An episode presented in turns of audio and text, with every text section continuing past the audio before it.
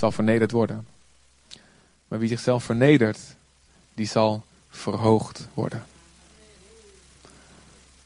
Wie zichzelf verhoogt, zal vernederd worden. Maar wie zichzelf vernedert, die zal verhoogd worden. Gods hart voor jou, zeg ik meteen erbij. Gods hart voor jou is om jou te verhogen. Gods hart is om iedereen, iedereen te verhogen. God heeft ons hoog geschapen, hoog gemaakt en met een hoge positie. Er is geen enkel schepsel wat hij zoveel waardigheid heeft gegeven bij de schepping als de mens. Meer zelfs nog dan de engelen, staat er in de psalmen. En terwijl zij meer weten. En ze zijn meer, meerder dan ons in sterkte, in kracht en heerlijkheid. Toch heeft hij ons bijna goddelijk gemaakt, zegt de psalm. De Heer heeft jou en mij hoog gemaakt. Hoog. Met een hoge positie. En nu is het zo dat doordat de zonde in de wereld kwam en wij er allemaal in geboren worden, die hoge positie, ehm, die is veranderd. En als je kijkt om je heen, dan zie je dat de mensen zich gedragen als beesten. En ze zijn er zelfs trots op. Joh, we zijn een apen, dus volg maar gewoon je instincten. je bent meer aap dan je denkt, dus doe maar gewoon, weet je. En dat, dat, wat, datgene wat in jou zegt, joh, dat moet je niet doen. Je moet die dierlijke instincten niet volgen, je moet jezelf beheersen. Dat is allemaal aangeleerd gedrag. En dat is allemaal schuldgevoel wat de religies van deze wereld je op willen leggen. Je bent gemaakt om helemaal gewoon een beest te zijn. Maar God heeft ons hoog gemaakt. God heeft ons niet als een beest gemaakt. Hij was als, een, als ons hoog gemaakt. Maar nu zie je de wereld dat de mensen zich wel als beesten aan het gedragen zijn. En je ziet aan het einde van alles, als het eindspel van deze tijd voorbij is, dat de mens weer hoog zal zijn. Zij die zich hebben vernederd in dit leven. En misschien moet ik meteen erbij zeggen, soms misschien heb je een, rare associatie bij het woord vernederen. Omdat je veel vernederd bent door anderen in je leven. Anderen hebben je naar beneden gepraat. Of als jij kwam met een mooi plan of iets uit je hart uh, onbevangen deelde, zeiden anderen, joh, ja, je moet niet zo hoog van de toren blazen. Denk je wel dat het kan? Nou, ik heb je gezien en zet die in je hemd. Nou, dit is niet het soort vernederen waar ik vandaag over spreek. Uh, het heb, ik heb het over een, jezelf bewust kiezen om te buigen. Juist niet uit angst, maar juist uit geloof. Omdat je weet, maar deze God, voor wie ik mij verneder, voor wie ik mij buig, is goed. En zijn hart is om mij te verhogen. Maar God zegt, de weg naar die verhoging is door jezelf kleiner te maken. Niet vanuit een minderwaardigheidscomplex. Dat is het laatste wat God zou willen voor je. Maar juist vanuit een besef van je hoge positie, van je hoge roeping, dat je, dat je zo zeker wordt dat het niet meer erg is om jezelf klein te maken. Begrijp je dat? Een onzeker iemand zal zichzelf verhogen. Wat, wie gaat het anders doen als je het zelf niet doet? Maar iemand die zeker is van een liefdevolle vader die een hart heeft om ons te verhogen, die zal het niet erg vinden zichzelf kleiner te maken en anderen te dienen en zichzelf weg te geven. Dus dit is het hart van God voor ons vandaag. En aan het einde zie je dat de mensen die overwonnen hebben, de mensen die hun in hun leven geleerd hebben zich te vernederen, die zullen verhoogd worden en zullen op tronen gezet worden. En ze zullen allemaal gouden kronen krijgen. En weet je wat er staat in openbaring wat ze dan gaan doen? Dan ze die kronen die ze hebben gekregen van. En die gooien ze dan weer voor, het, voor de troon en voor de voeten van Jezus. En zeggen ze, weet je, alles wat ik gekregen heb, is allemaal van u. Het is allemaal van u. Alle verhoging die u mij gegeven, alle eer die u mij gegeven heeft in dit leven en daarna. Het is allemaal, het is niet, eigenlijk, het is helemaal niet mijn eer. U heeft het mij gegeven. En alle religies in deze wereld moet de mens zichzelf verhogen. Je moet opklimmen op een bepaalde ladder van verlichting opklimmen op een bepaalde ladder van goede werken. En zelfs, er zijn zelfs christelijke versies van dat je moet opklimmen. Een bepaalde ladder, bepaalde niveaus moet je voorbij. En dan word je een verlichte meester. Of je wordt een, een, een, een, eh, een haji, je wordt een, een, een heilige. Door middel van het opklimmen, het jezelf verhogen. En het kenmerk vaak van dat soort mensen ook is dat het is een aura van arrogantie hangt om ze heen. En God wil, God zegt, wie onder jullie de grootste wil zijn, die moet het kleinste zijn van iedereen. En die moet leren wat het is om vanuit die zekerheid zichzelf klein te maken. Nou, dit is goed nieuws. Dus God zoekt ernaar, dat moet je weten. God zoekt er niet naar jou te vernederen. God zoekt er naar jou te verhogen. Onthoud dit goed, want sommige hele lieve mensen, die echt oprecht van Jezus houden, die denken toch altijd van, ja goed, weet je, God zit te wachten op een moment om mij onderuit te halen, zeg maar. En dit is een vals beeld van onze Heer. God zit te zoeken naar gelegenheden jou te verhogen. Maar het is wel zo dat als je jezelf verhoogt, dan, dan is God je aan het tegenwerken. Niet omdat hij dat graag wil, dat dat, ja, ik hou ervan mensen te, onderuit te halen. Nee, om hij wil je laten inzien, joh, dit is niet de weg. Kom terug naar, naar dat, je, dat, je, dat je weet dat ik je zal verhogen, dat je daarin gelooft. En als je weer jezelf weer zal vernederen, zodat ik je, ik je kan verhogen. Nou, iedereen hier vandaag die dit woord hoort, ik denk dat we allemaal van onszelf denken dat we nederig zijn. Toch? Ja. Ik vooral. Ik ben de nederigste van jullie allemaal. Dat hadden jullie natuurlijk al meteen gezien toen ik, toen binnenkwam. Vandaar dat ik de enige ben die deze preek mag preken. Ik ben zo nederig. Nou, In de Bijbel staat, uh, heel veel mensen die verklaren hun eigen trouw, hun eigen welwillendheid. Maar een echt betrouwbaar mens, wie kan het vinden? Nou, dat geldt eigenlijk ook voor nederigheid. Heel veel mensen, wij denken allemaal, natuurlijk denken we dat, anders zouden we het veranderen. Als we weten dat God wil dat we nederig zijn, op dit moment denken we allemaal dat we nederig zijn. Ik ook. Ik ook. Ik denk, ja, volgens mij heb ik naar alles geluisterd wat de Heer tot me zegt. Zeker als je dit gaat brengen natuurlijk. Ga je eventjes jezelf checken. Toch kunnen er verborgen manieren zijn waarin er nog een soort onafhankelijkheid in ons is. En dat is iets wat um, ons hele leven blijft, op de loer ligt. En waarin we ons hele leven lang voortdurend een check van God nodig bij gaan hebben. Het is nooit zo, niet zo dat er e-, ergens een punt is in je leven dat je een magische grens overgaat. Ah, vanaf nu heb ik nooit meer last van hoogmoed en trots. Nee, dat bestaat niet, weet je. Het is altijd, als je er op één manier mee, hebt afgerekend, dan komt het later in een andere vorm weer terug. En je houdt altijd behoefte aan dicht bij Jezus zijn. In gebed, in het woord, in aanbidding en in de kerk. Om door te hebben, oké, nu ben ik mezelf dus weer aan het verhogen. Nu ben ik mezelf weer ergens tussen een plek aan het geven. Er, um, wat zegt de Bijbel dan over? Nou, gewoon een aantal passages. In Lucas 18, vers 9 tot 14. En dat is meteen ook het belangrijkste onderwerp waarover God wil dat we nederig zijn. Het is namelijk hoe rechtvaardig wij onszelf vinden. Met het oog op sommigen die zichzelf rechtvaardig vinden en anderen minachten, vertelde hij de volgende gelijkenis. Twee mensen gingen naar de tempel om te bidden. De een was een fariseer. En de stonden hoog in aanzien eh, op religieus gebied. En de ander een tollenaar. De fariseer stond daar rechtop en bad bij zichzelf. God, ik dank u dat ik niet ben zoals die andere mensen. Die roofzuchtig zijn of onrechtvaardig. Daar of daar, of daar zit een overspelige. En dat ik ook niet ben als die vieze tollenaar daar. Ik vast twee keer per week. En ik draag een tiende van al mijn inkomsten af. Dank u. En eigenlijk dankte hij niet de Heer, hij dankte zichzelf dat hij zo geweldig was. Maar de tollenaar echter bleef op een afstand staan en durfde niet eens zijn blik naar de hemel te richten. In plaats daarvan sloeg hij zich op de borst en zei: God, wees mij zondaar genadig.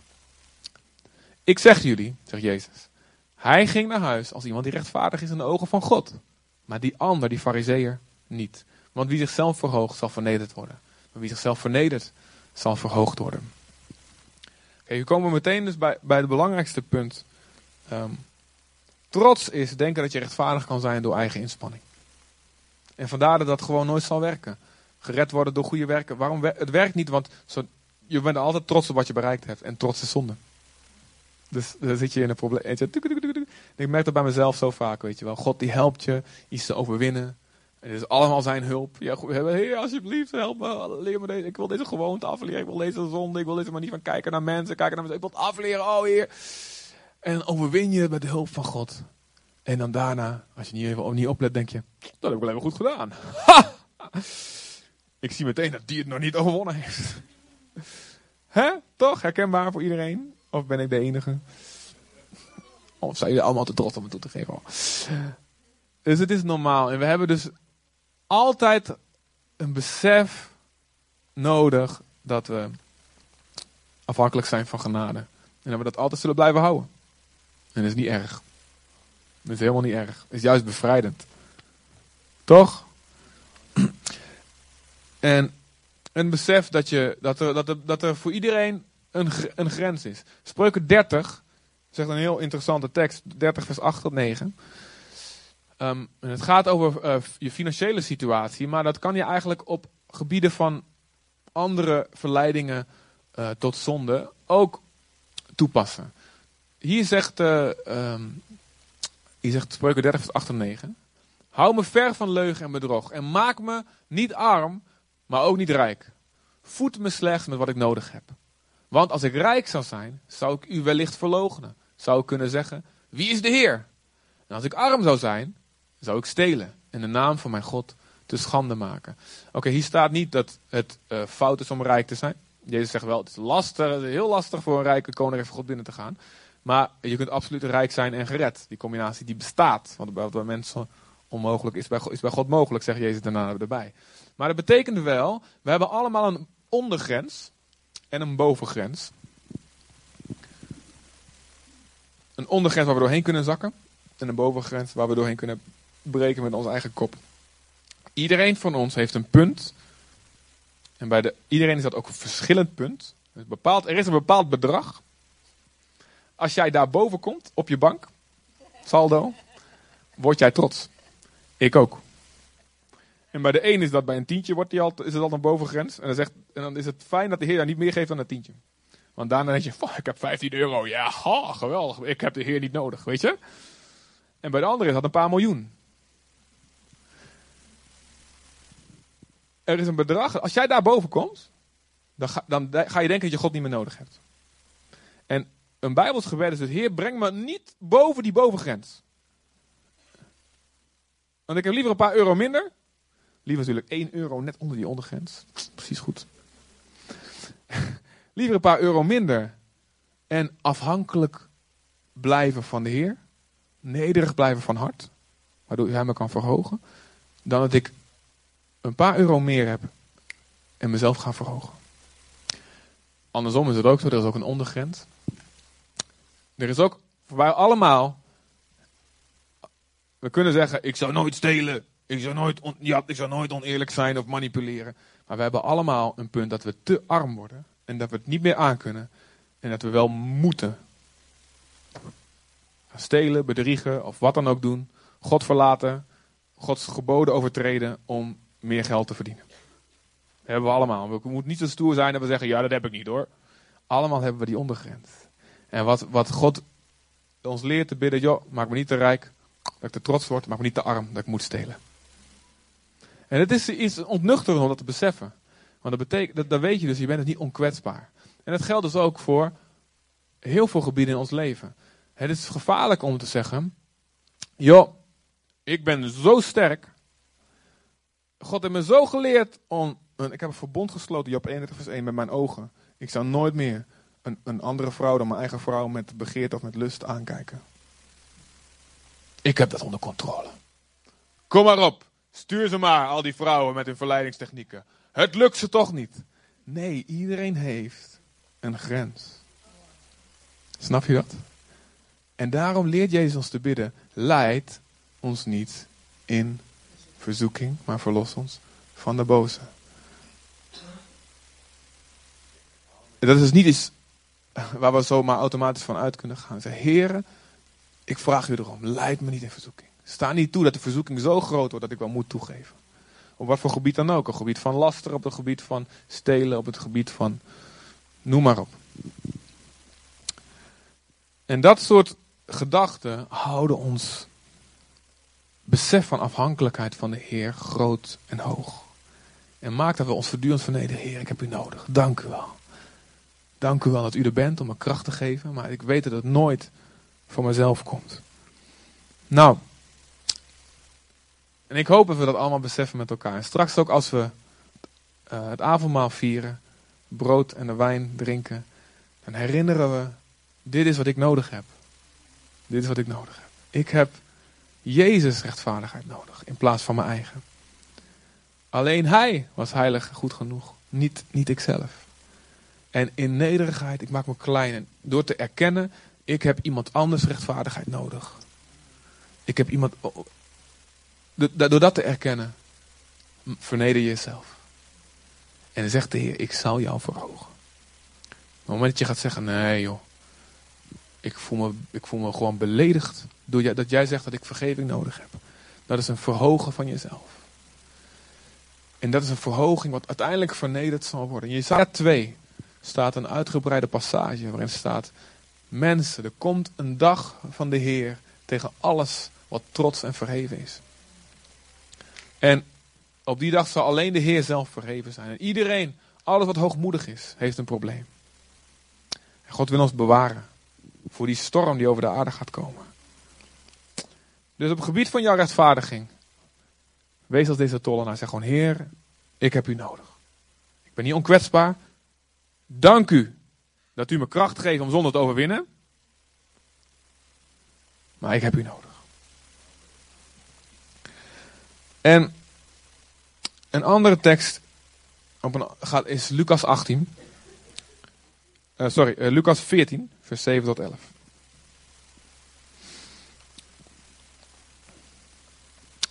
Op het gebied van zonde en, en rechtvaardiging, zeg maar, weet je. Um,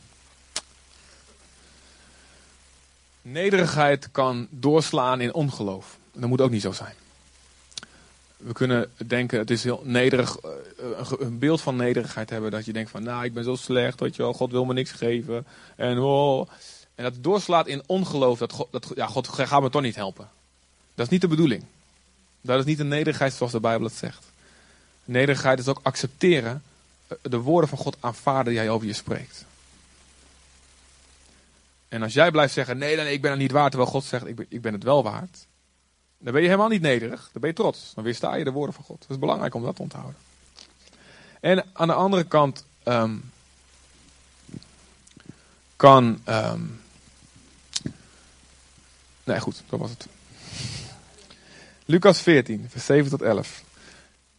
Jezus vertelde de genodigden een gelijkenis, want hij had gezien dat ze allemaal de ereplaatsen voor zichzelf kozen.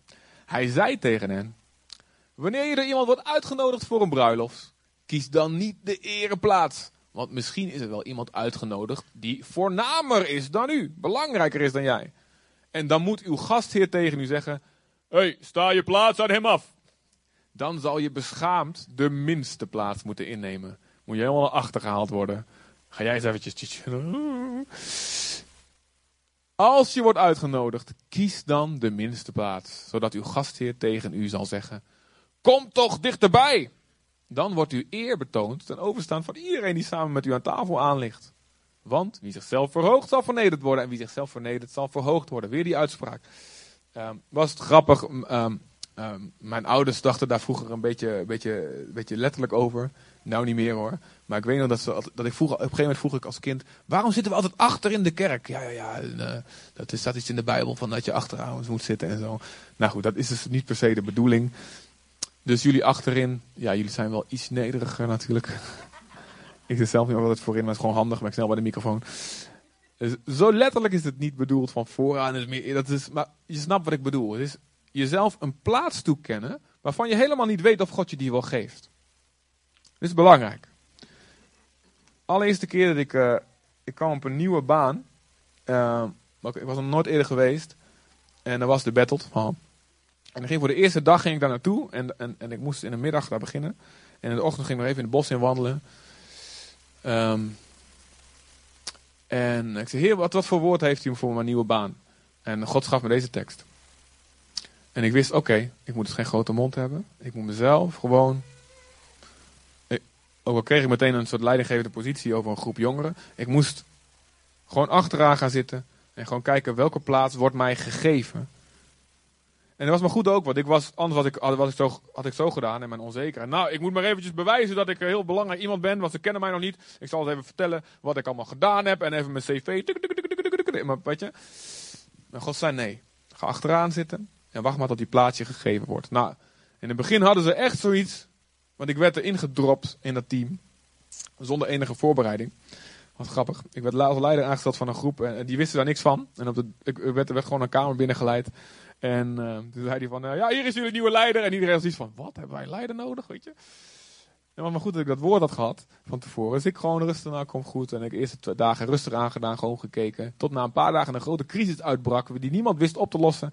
En ik kreeg van God de wijsheid om het dat zo te doen. En toen was het duidelijk, oh, ik ben blij. Diezelfde gasten die zeiden, we hebben wij nodig. Die zeiden, ik ben zo blij dat je er bent, echt waar, zo fijn.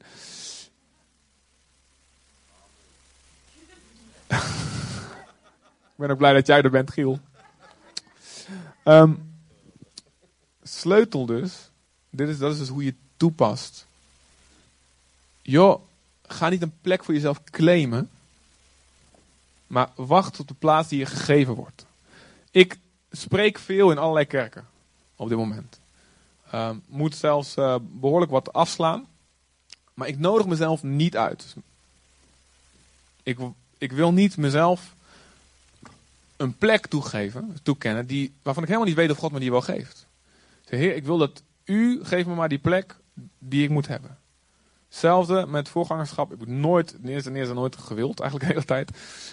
Het is een, het is, ik, want Heer, u weet wat ik aan kan. En ik wil niet mezelf een plek geven waarvan u denkt dat ik die nog helemaal, nog helemaal niet klaar voor acht. En als je jezelf die plek gaat zitten geven, dan kom je in één keer voor allerlei problemen en beslissingen. En ik, ik wist niet dat dat erbij hoorde. En misschien knakt je geloof wel helemaal. En dan hebben ze van, nou, ik ga nooit meer wat doen voor de Heer. Omdat je nog niet klaar voor was, want je hebt jezelf die plek gepakt. Nou is het belangrijk, de plek die God voor ons heeft op zijn tijd. Hij zal ons verhogen. Verneder u dan voor de machtige hand van God, 1 Petrus 5. Opdat hij u zal verhogen op zijn tijd, niet op jouw tijd. En het vraagt nogal wat geduld. Jozef werd verhoogd op Gods tijd. Niet op Jozefs tijd.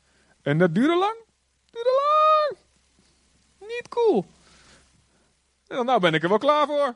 Ik heb, uh, ben niet bitter geworden toen uh, mijn broers me met put gegooid hebben. En ik ben de beste slaaf in het huis van Potifar. Ik ben klaar voor die verhoging. Ik ben klaar voor die promotie. Kom maar, heer.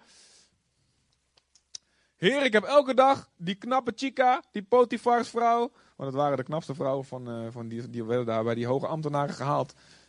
Elke dag zitten ze me te verleiden. Ik heb het weer staan hier. Ik ben er zelfs voor de gevangenis ingegooid. Ik ben klaar voor die promotie. Kom maar, kom maar, kom maar. Heren, ik heb zelfs in de gevangenis ben ik weer de beste geworden. Kom maar op. God, ik heb zelfs iemand geholpen. Hij heeft me twee jaar lang vergeten. En God zei, nu is het moment. Maar hoe lang heeft hij, ik denk waarschijnlijk is het van 14 jaar geweest dat hij heeft zitten wachten op die promotie. 14 jaar, onder de ratten. Niks, niks alleen maar stank voor dank gekregen. De situatie werd alleen maar erger. Hij ging alleen maar lager en lager en lager en lager de Egyptische samenleving in. En dacht, hier kom ik nooit meer uit. Zelfs datgene waarvan ik dacht, nu gaan zij me helpen. Die schenker en die bakker. Weet je wel, die ik geholpen heb. Had mensen geholpen met een droomuitlegging. Die mensen gaan me helpen. Twee jaar gebeurde helemaal niks. En hij moest zijn hart goed houden. Hij moest zijn hart zuiver houden al die tijd. Hij moest nooit, hij moest, hij moest nooit die, die teleurstelling, bitterheid of trots kans geven in zijn hart. En God verhoogde hem op zijn tijd.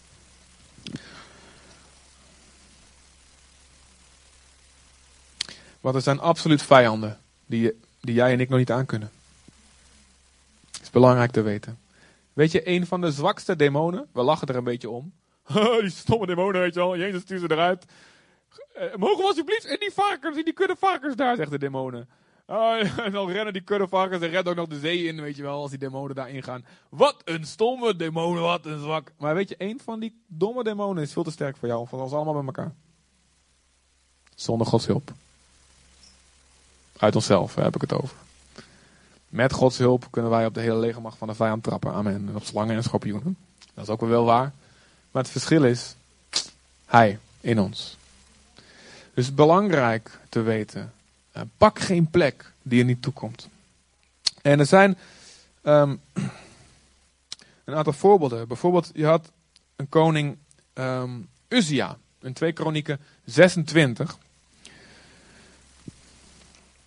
2 Kronieken 26 vers 5. Daar staat dat Uzia had geleerd van de priester Zacharia om de Heer te zoeken. Het is belangrijk dat jij mensen hebt die jou leren God te zoeken. Kunnen die ouders zijn, er kunnen voorganger of een twaalfleider zijn of vrienden. Maar het is belangrijk dat jij weet. 2 Kronieken 7 tot 5, dat is interessant. Ja. Zolang Zacharia leefde, die hem had geleerd in ontzag te leven voor God, legde hij zich erop toe zich naar God te richten. En zolang hij zich naar de Heer richtte, liet God hem slagen in alles wat hij ondernam. Er was een koning, een koning van Israël. En hij, was dus, hij had geleerd om God te zoeken. Om zich op God te richten. En zolang hij dat bleef doen, God hielp hem. En dan staat er, hij bouwt een machtig koninkrijk. Hij verslaat de vijanden. Hij bouwt steden uit. Hij bouwt een leger op. De organisatie helemaal voor elkaar. En overal, in alles, slaagde hij. Sloeg hij, wou ik zeggen, dat klopt niet. Hij slaagde. En dan staat er daarna in eh, versen 15 tot 21 dat hij. Oh, dit is echt heel klein. Gaat het goed achterin? Ja. Um, dan wil ik halverwege eventjes de derde regel beginnen. Uzia's gezag reikte tot ver over de grenzen. Want met wonderbaarlijke hulp had hij zijn macht steeds verder uitgebreid. Dus het gaat hartstikke goed. Met wonderbaarlijke hulp had hij zijn macht steeds verder uitgebreid. Door God te zoeken wordt je macht uitgebreid. Amen. Hier zit aas jullie nog een beetje van. Ben ik nou hoogmoedig als ik amen ga zeggen? Het is heel bijbels met Gods hulp. Krijg je steeds meer controle over je leven. God krijgt de controle eigenlijk over je leven. Maar je voelt van, hé, hey, dingen gaan beter met vallen en opstaan. Maar dingen zullen beter gaan in je leven. Uiteindelijk, als je vast blijft houden aan de Heer. Met wonderbaarlijke hulp. Amen. Maar de waarschuwing voor ons komt hier. Maar toen Uzia het toppunt van zijn macht had bereikt, werd hij hoogmoedig. En dat leidde tot zijn ondergang. Hij overtrad het gebod van de Heer zijn God door de tempel van de Heer binnen te gaan om daar zelf een reukoffer te brengen op het reukofferaltaar. Dat mocht dus niet. Dat mocht de koningen niet doen. Hij had zijn gebied wat God hem gegeven had. En God zegt, binnen dat gebied, je zoekt mij. Ik zegen jou. En binnen dat gebied had hij alles bereikt bijna wat er te bereiken viel. Maar toen dacht hij, God heeft me zo gezegend. Ik ben zo goed bezig. Mijn macht is zo ver uitgebreid. Iedereen luistert naar me. Nu ga ik ook dat gebied binnen. Hoezo mogen die priesters alleen maar offers brengen? Hoezo is dat niet mijn gebied? Daar weet ik ook wel wat van. Ik heb het wel, ik heb, er zit er duizenden jaren naar te kijken hoe die gasten dat doen. Ik kan het net zo goed als zij. En hij ging over zijn grens. Hij werd hoogmoedig. En de priesters die zien dat. En die denken, dit is een onze goede koning die ons tientallen jaren dient. En ze rennen naartoe. Staat er, de hoge priester Asaria kwam met, met nog tachtig andere priesters van de Heer erachteraan. Alle vooraanstaande mannen. Zij sneden koning Uzia de pas af en zeiden: Het is niet aan u, Uzia, om reukoffers te brengen voor de Heer. Dat is voorbehouden aan de priesters, de afstammeling van Aaron, had God gezegd. Tegen Mozes. Zij zijn geheiligd om reukoffers te brengen. Verlaat alsjeblieft het heiligdom. U bent in overtreding. Dit zal u bij de Heer niet tot eer strekken. hij kreeg nog een kans om zich te bekeren, maar hij deed het niet. En dan kwam er daarna 19 tot 21 nog bij. Uzia ontstak in woede. Dus in plaats van hij, zich, hij luisterde en zich liet gezeggen, werd hij boos. Hoe durf je mij te zeggen dat het niet mijn gebied is? Heb je niet door wat ik allemaal gedaan heb? Heb je niet gezien al die torens? Hey, die veiligheid en die bescherming die jij hebt in deze stad, dat komt door wat ik gedaan heb. Doordat ik de boel hier voor elkaar heb. Doordat ik de boel hier georganiseerd heb. En durf jij mij te zeggen dat het niet mijn gebied is? En hij begint te... En terwijl hij de schaal met reukwerk in zijn hand Terwijl hij, de schaal met reukwerk in zijn hand, tegen de priesters tekeer ging, verscheen daar ten overstaan van de priester in de tempel van de Heer bij het reukofferaltaar plotseling uitslag op zijn voorhoofd. Toen de hoge priester Asaria en de andere priesters hem recht aankeken en vaststelden dat zijn voorhoofd door huidvraat, melaatsheid, was aangetast, joegen ze hem onmiddellijk de tempel uit. En hij maakte zelf ook haast, want de Heer had hem getroffen. Tot op de dag van zijn dood bleef koning Uzia aan huidvraat lijden, melaatsheid. En al die tijd leefde hij in afzondering, want het tempelcomplex was voor hem verboden terrein. Zijn zoon Jotam, die de gang van zaken in het paleis regelde, nam intussen het landsbestuur waar. Wauw.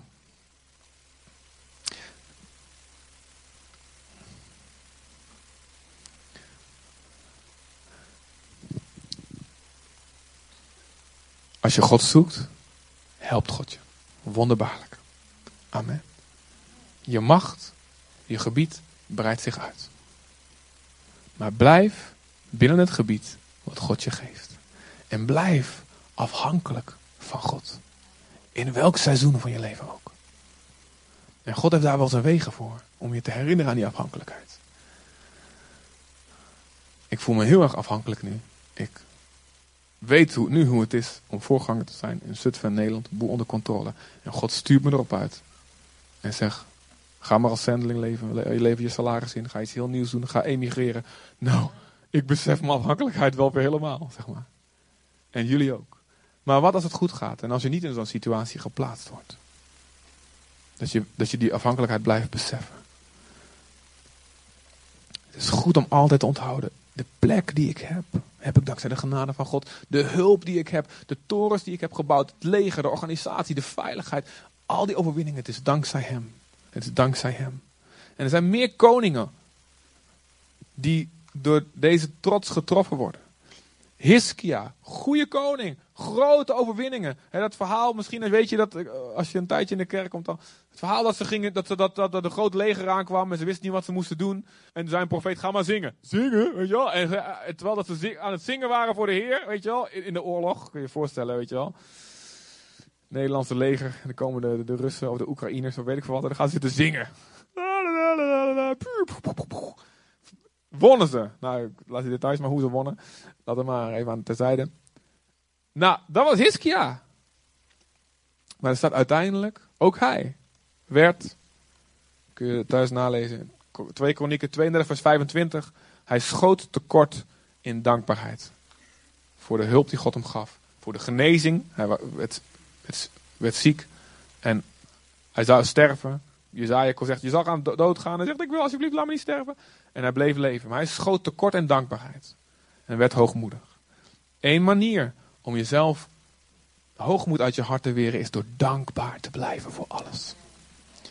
En niet vanuit te gaan dat, elk, dat een glas water wat je drinkt, of een glas ijsthee wat je drinkt, beseffen, dit is niet vanzelfsprekend dat ik dit heb. Het is Gods hulp. Het is Gods hulp.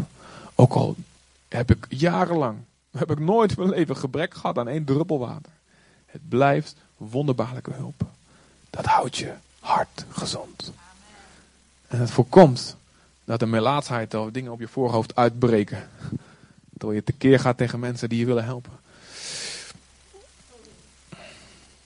Dus let daarop. Dus als, ook Hiskia werd erdoor getroffen. Weet je, ook David werd erdoor getroffen. Ook hij werd oogmoedig, overmoedig. Hij ging het volk tellen en denk, ik ga vertrouwen op het aantallen. En hij kreeg een probleem.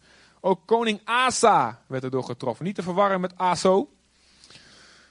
Asa. Je kunt thuis lezen 2 Kronieken 14, 15 en 16. In het begin voelde hij zich hartstikke afhankelijk van God. Er komt een grote vijand komt tegen hem, tegen hem uh, groot leger.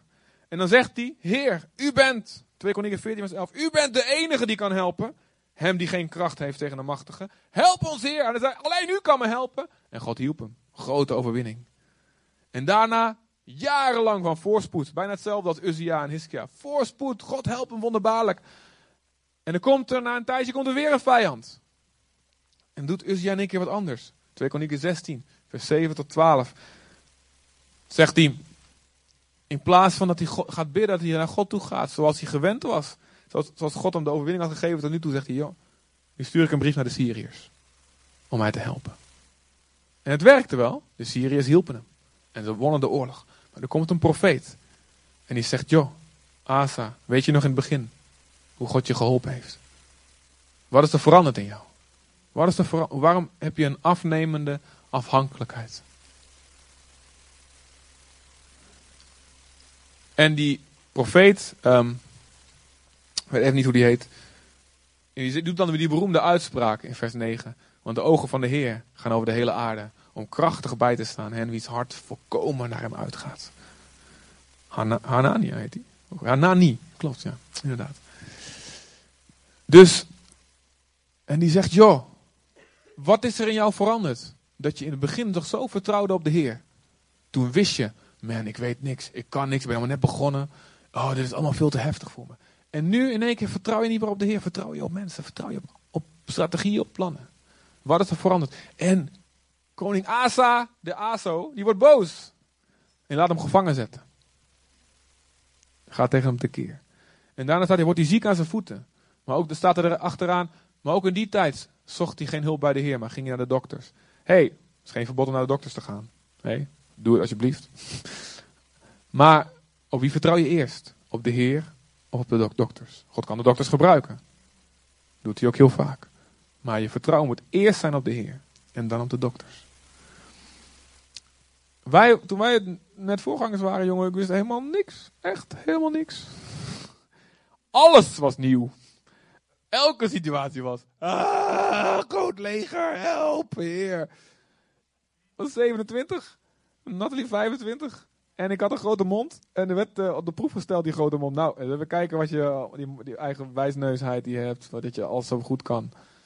En bij alles moest ik bidden. En ik, heer, ik weet niet wat ik moet doen. En dan kreeg ik een droom.